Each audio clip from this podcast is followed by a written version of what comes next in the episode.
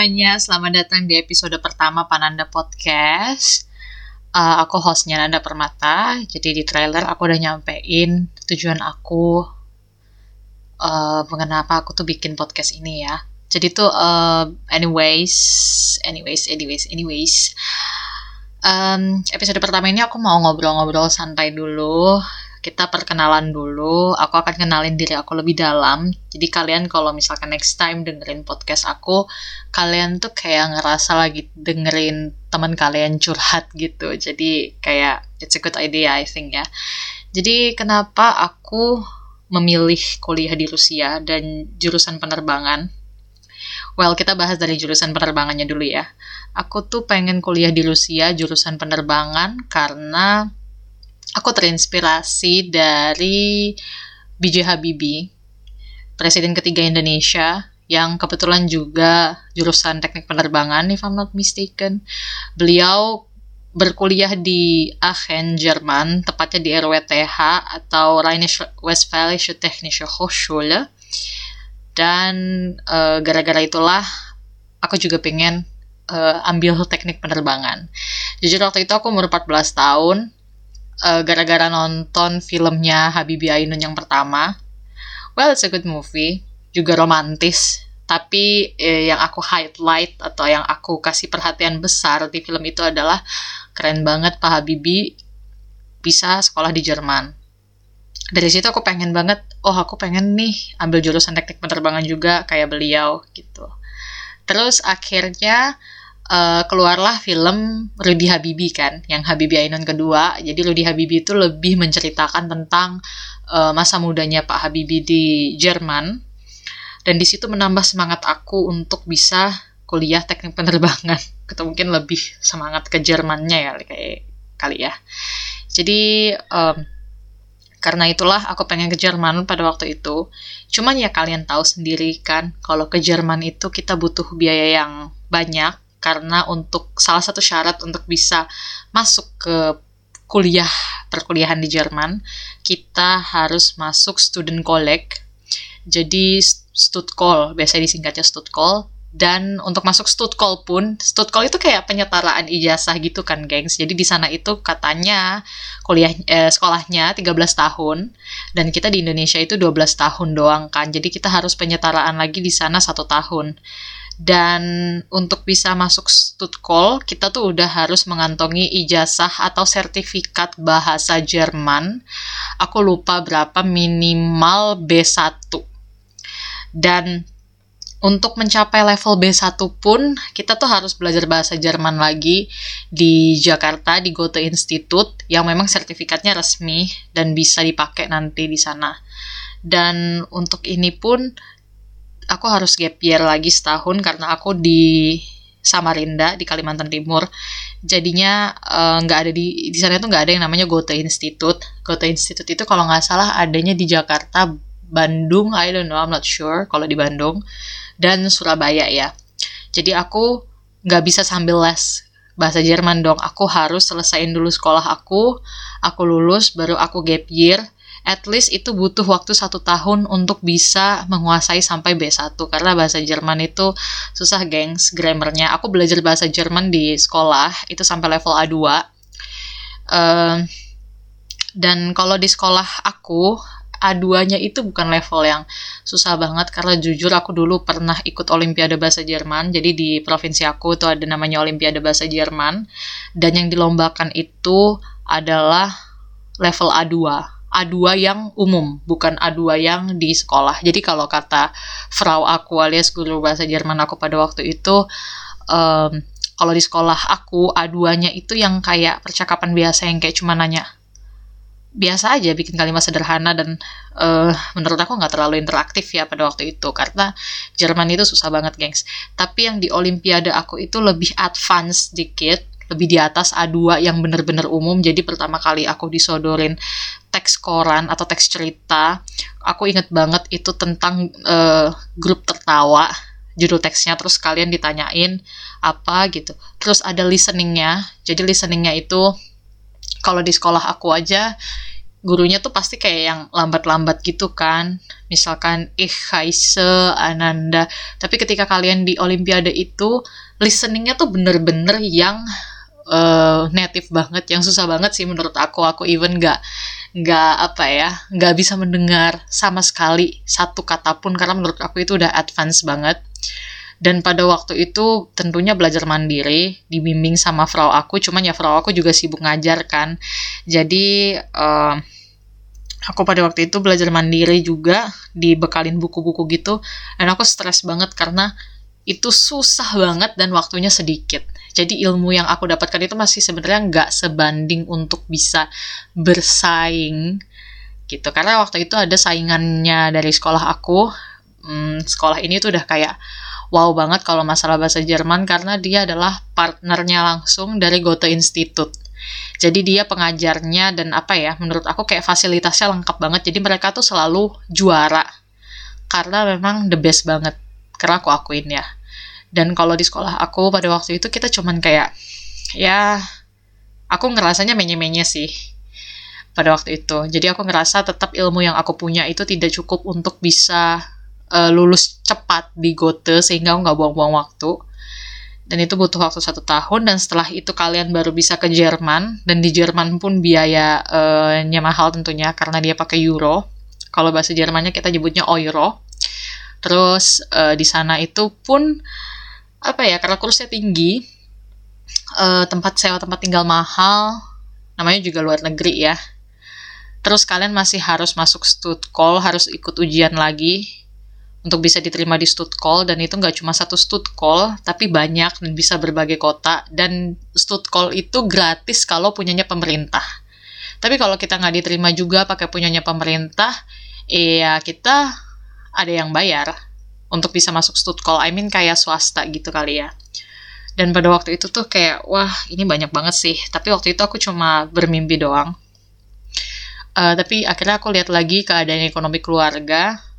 Um, aku nggak tega lihat orang tua aku karena, well kita nggak kekurangan, tapi kita bukan orang yang banyak banget duitnya sampai bisa um, apa ya ngebiayain aku untuk sekolah di Jerman karena ke Jerman itu biayanya guys banyak banget even kuliahnya itu gratis tapi dan memang kuliahnya gratis sih karena dibayar dibayar nama pemerintah kalau nggak salah tapi biaya hidupnya itu tinggi banget. Dan itu yang bikin aku nggak tega sama orang tua aku waktu itu. Jadi aku ngerasa wah mimpi aku terhalang nih. But it's okay aku terus berdoa. Dan apa ya semoga mungkin kalau mungkin bukan S1 mungkin nanti pas S2 kali ya bisa ke Jerman gitu dan alhamdulillah Allah mendengarkan doa aku. Tiba-tiba pada suatu hari teman sekelas aku ngasih tahu nan e, di Rusia ada ini loh beasiswa dari pemerintah Rusia. Kalau di Rusia itu kuliahnya bayar, nggak di nggak dipasok sebenarnya sama pemerintahnya, tapi pemerintahnya itu nawarin beasiswa yang kuliahnya itu dibayarin, tapi sisanya kita bayar sendiri even sebenarnya kayak sama kayak Jerman cuman bedanya kalau di Rusia itu kursnya lebih rendah jauh lebih murah untuk bisa ke Rusia daripada ke Jerman biaya hidup, tempat tinggal, apa segala itu jauh lebih murah. Kayak bayangin aja kalau sekarang satu euro itu atau satu euro itu hampir 20 ribu. Sekarang mungkin 17 ribu, 18 ribu ya. Sedangkan satu rubel, rubel itu mata uang Rusia, itu paling tinggi 220 rupiah. Jadi perbedaannya jauh banget, jauh banget tentunya. Dan apa ya, dan hal itulah yang aku berpikir, aku mau ke Rusia dan aku tanya mama aku, aku tanya orang tua aku apakah aku bisa untuk pergi ke Rusia untuk mendapatkan beasiswa ini. Awalnya ya tentu saja beliau itu berat untuk melepasku karena hmm. uh, apa ya, karena ya susah aja ngelepas anak untuk jauh-jauh gitu kan. Tapi aku buktikan kalau ini kemauan aku yang kuat banget, aku siap untuk menghadapi konsekuensinya apa pun itu. Lalu beliau akhirnya oke. Okay. Dan akhirnya aku setelah ikut tes dan sebagainya, aku lulus, aku akhirnya berada di Rusia. Dan iya, itulah kenapa aku bisa berada di Rusia dan kenapa jurusan teknik penerbangan. Kalau ditanya susah nggak kuliah di sini? Susah, semua kuliah itu susah. Dan semua kuliah itu ada tekanannya. Kata orang, kalau nggak susah ya bukan kuliah namanya. Kalau nggak ada tekanan ya bukan kuliah namanya gitu kan. Jadi kita harus tetap uh, selalu semangat ya. Dan aku di Rusia juga nggak tahu bahasa Rusia sama sekali, nggak tahu huruf bahasa Rusia sama sekali. Dan tantangannya adalah ketika di sini nanti bahasa pengantarnya itu bukan bahasa Inggris, melainkan bahasa Rusia. Jadi aku satu tahun, bahkan kurang dari satu tahun, selama 8 bulan, aku di Rusia itu harus persiapan bahasa. Jadi benar-benar belajar bahasa Rusia dari level 0 sampai level B2 sekarang. Jadi ketika aku lulus dari Patfak itu levelnya B2. Di Patfak itu mudah pelajarannya. Uh, kita santai, kita ngerasa nggak sulit, tapi tantangan sebenarnya yang terjadi adalah ketika kita udah masuk kuliah di semester 1, kita bener-bener nggak ngerti dosen itu ngomong apa, kita bener-bener nggak ngerti mereka itu bahas apa, kita baca textbook pun, kita baca buku pun kita tuh nggak ngerti ini tuh bahas apa, karena e, itu adalah saat-saat penyesuaian yang sebenarnya adaptasi yang sebenarnya. Karena selama kita di Patfak kan dosen-dosen kita ngerti ya kalau kita ini murid asing orang asing jadi mereka ngomongnya pelan. Kata-kata yang digunakan itu kata-kata sederhana. Sedangkan ketika kita udah masuk kuliah dosen akan memperlakukan kita sama. Nggak akan ngomong pelan lagi. Jadi e, di sini tuh sistemnya kalau ada kuliah umum gitu kan kita digabung sama grup-grup besar gitu kan. Terus kita itu um, dengerin dosennya ngomong apa terus kita harus nulis. Jadi ketika dosennya ngomong kita nulis kayak di dikte gitu. Dan terkadang karena kita orang asing dan itu semester 1 kita nggak tahu dosen ini ngomong apa dan apa yang harus kita tulis karena kita nggak familiar dengan kata-katanya. Lalu ketika kita berusaha untuk berinteraksi dengan teman sekelas kita dan mereka memberikan catatan kuliah mereka ke kita kita nggak bisa baca uh, tulisannya mereka karena tulisannya mereka itu bener-bener kayak cacing. Kalau mungkin kalian tahu ya tulisan Rusia untuk buku, untuk textbook dan tulisan tangan itu jauh berbeda. Jadi tulisan tangannya itu right dan berbeda. Nggak kayak di textbook. Jadi tantangannya di situ. Jadi kita bingung. Ini kita harus ngapain? Itu tantangan yang pertama sih ketika udah lulus patfak. Tapi as time goes by, seiring berjalannya waktu, semuanya insya Allah aman uh, walaupun masih ya susah ya namanya juga kuliah tekanannya banyak. Jadi itu sih terus uh, dihantam dengan homesick dan sebagainya. Jadi itu adalah pengalaman aku dan bertemu dengan orang-orang dari bermacam negara dari benua Amerika benua Eropa eh, Eropa nggak ada sih. Karena orang Eropa iya Rusia Eropa ya masih ya bagian aku Eropa. Saya kayak orang-orang Eropa Barat orang Italia orang Jerman Belgia Belanda nggak ada yang ke sini sih menurut aku untuk belajar karena mereka punya universitas sendiri yang tak kalah apa ya tak kalah bagusnya gitu. Mereka bisa ke Jerman atau ke Perancis kalau mau belajar tentang aviasi. Aviasi nggak sih bahasa Indonesia-nya? Maksud aku tentang penerbangan ya. Dan Terlebih lagi apa ya menurut aku hmm, penyesuaian budaya susah banget dan cuaca. Di sini cuacanya ekstrim banget. Aku udah tiga tahun di sini dan kemarin itu pas winter suhu terendah di Samara bisa sampai minus 44 derajat Celcius. Itu kalau musim dingin. Kalau musim panasnya bisa sampai plus 40 derajat Celcius dan aku udah tahu juga itu rasanya summer tahun 2020 itu sampai plus 40 derajat. Rasanya panas banget, pengap dan kayak apa ya? Pengap, panas, tenggorokan kering dan itu lama banget kalau summer bisa sampai 20 jam summer itu. Jadi uh, malamnya pendek, siangnya panjang dan kalau misalkan winter atau musim dingin itu siangnya pendek, malamnya panjang banget. Mungkin uh, matahari itu terbit kalau winter tuh jam 9 pagi, tenggelam jam 4 jam 5 sore. Jadi kita mengalami gelap yang lebih lama dan terkadang karena kita orang tropis, aku ngerasa kalau di Indonesia itu kan mataharinya tuh selalu konstan ya. Jadi kita merasa cukup lah energi kita. Oh, kalau udah nggak ada matahari gelap, kita waktunya istirahat. Kalau misalkan ada matahari, waktunya kita beraktivitas. Nah, gara-gara itu itu masih kebawa ke aku Jadi jam 4 jam 5 kalau matahari tenggelam, aku udah ngerasa, aduh aku capek banget nih, aku mau istirahat, tidur ah gitu. Jadinya nggak ngapa-ngapain, padahal itu masih jam 4 jam 5. Ini sih yang masih harus, kadang aku harus adaptasi. Dan terkadang cuaca itu juga bisa mempengaruhi mood aku. Jadi kalau misalkan winter itu kadang kita nggak lihat matahari sama sekali. Kita nggak lihat matahari sama sekali. I mean kayak mendung gitu, mendung.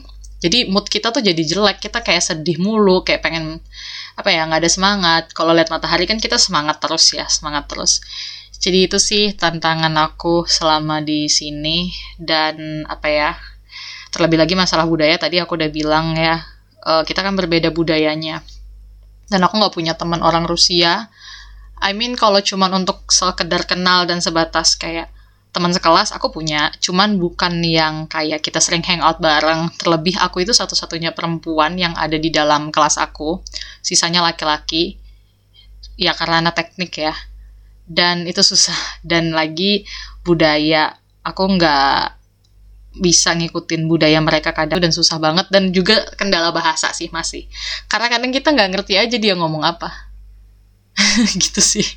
Jadi dia ngomong cepet banget terus kita kadang gak nyambung aja dia ngomong apa. Jadi mungkin kayak agak susah gitu ya gengs ya. Jadi ya gitulah. Jadi di sini juga mengajarkan bahwa aku itu harus mandiri aku itu harus uh, bisa independen tanpa adanya temen terkadang. Dan terlebih lagi kita harus bisa mengatasi rasa kesepian ini. Karena kadang kalau kita nggak punya temen ke mana-mana sendirian rasanya kesepian ya. Jadi kita juga gimana caranya harus enjoy dengan kesepian ini. Well, sometimes aku telepon teman-teman aku yang di Indonesia gitu buat ngobrol, tapi ya untuk jalan atau apa. Kadang sendiri, kadang ya kalau teman-teman Indonesia yang lain gak sibuk bareng, tapi itu jarang banget sih soalnya kita sedikit banget di sini kan di kota aku di Samara. Jadi jarang bis untuk bisa ketemu atau kumpul-kumpul gitu. Karena nggak kayak dulu kalau dulu tuh banyak masih orangnya. Jadi masih kayak seru gitu. Kalau sekarang tuh udah rame. Eh rame. Maksud aku udah sepi gitu. Cuman berempat eh enggak ber, berenam bertujuh. Ya kalau dulu bisa sampai bersepuluh orang delapan ya nggak banyak juga sih ya tapi dulu tuh kayak seru gitu. Sekarang tuh udah pada lulus orang-orangnya udah pada pergi jadi uh, apa jadi sepi gitu rasanya. Well uh, sekian aja untuk episode pertama kali ini. Mungkin episode selanjutnya kalian bertanya-tanya kan aku bakal bahas apa, jadi ditunggu aja. Perkenalan kali ini udah selesai. I hope you will enjoy my next podcast. Selamat menikmati ya teman-teman. Dadah!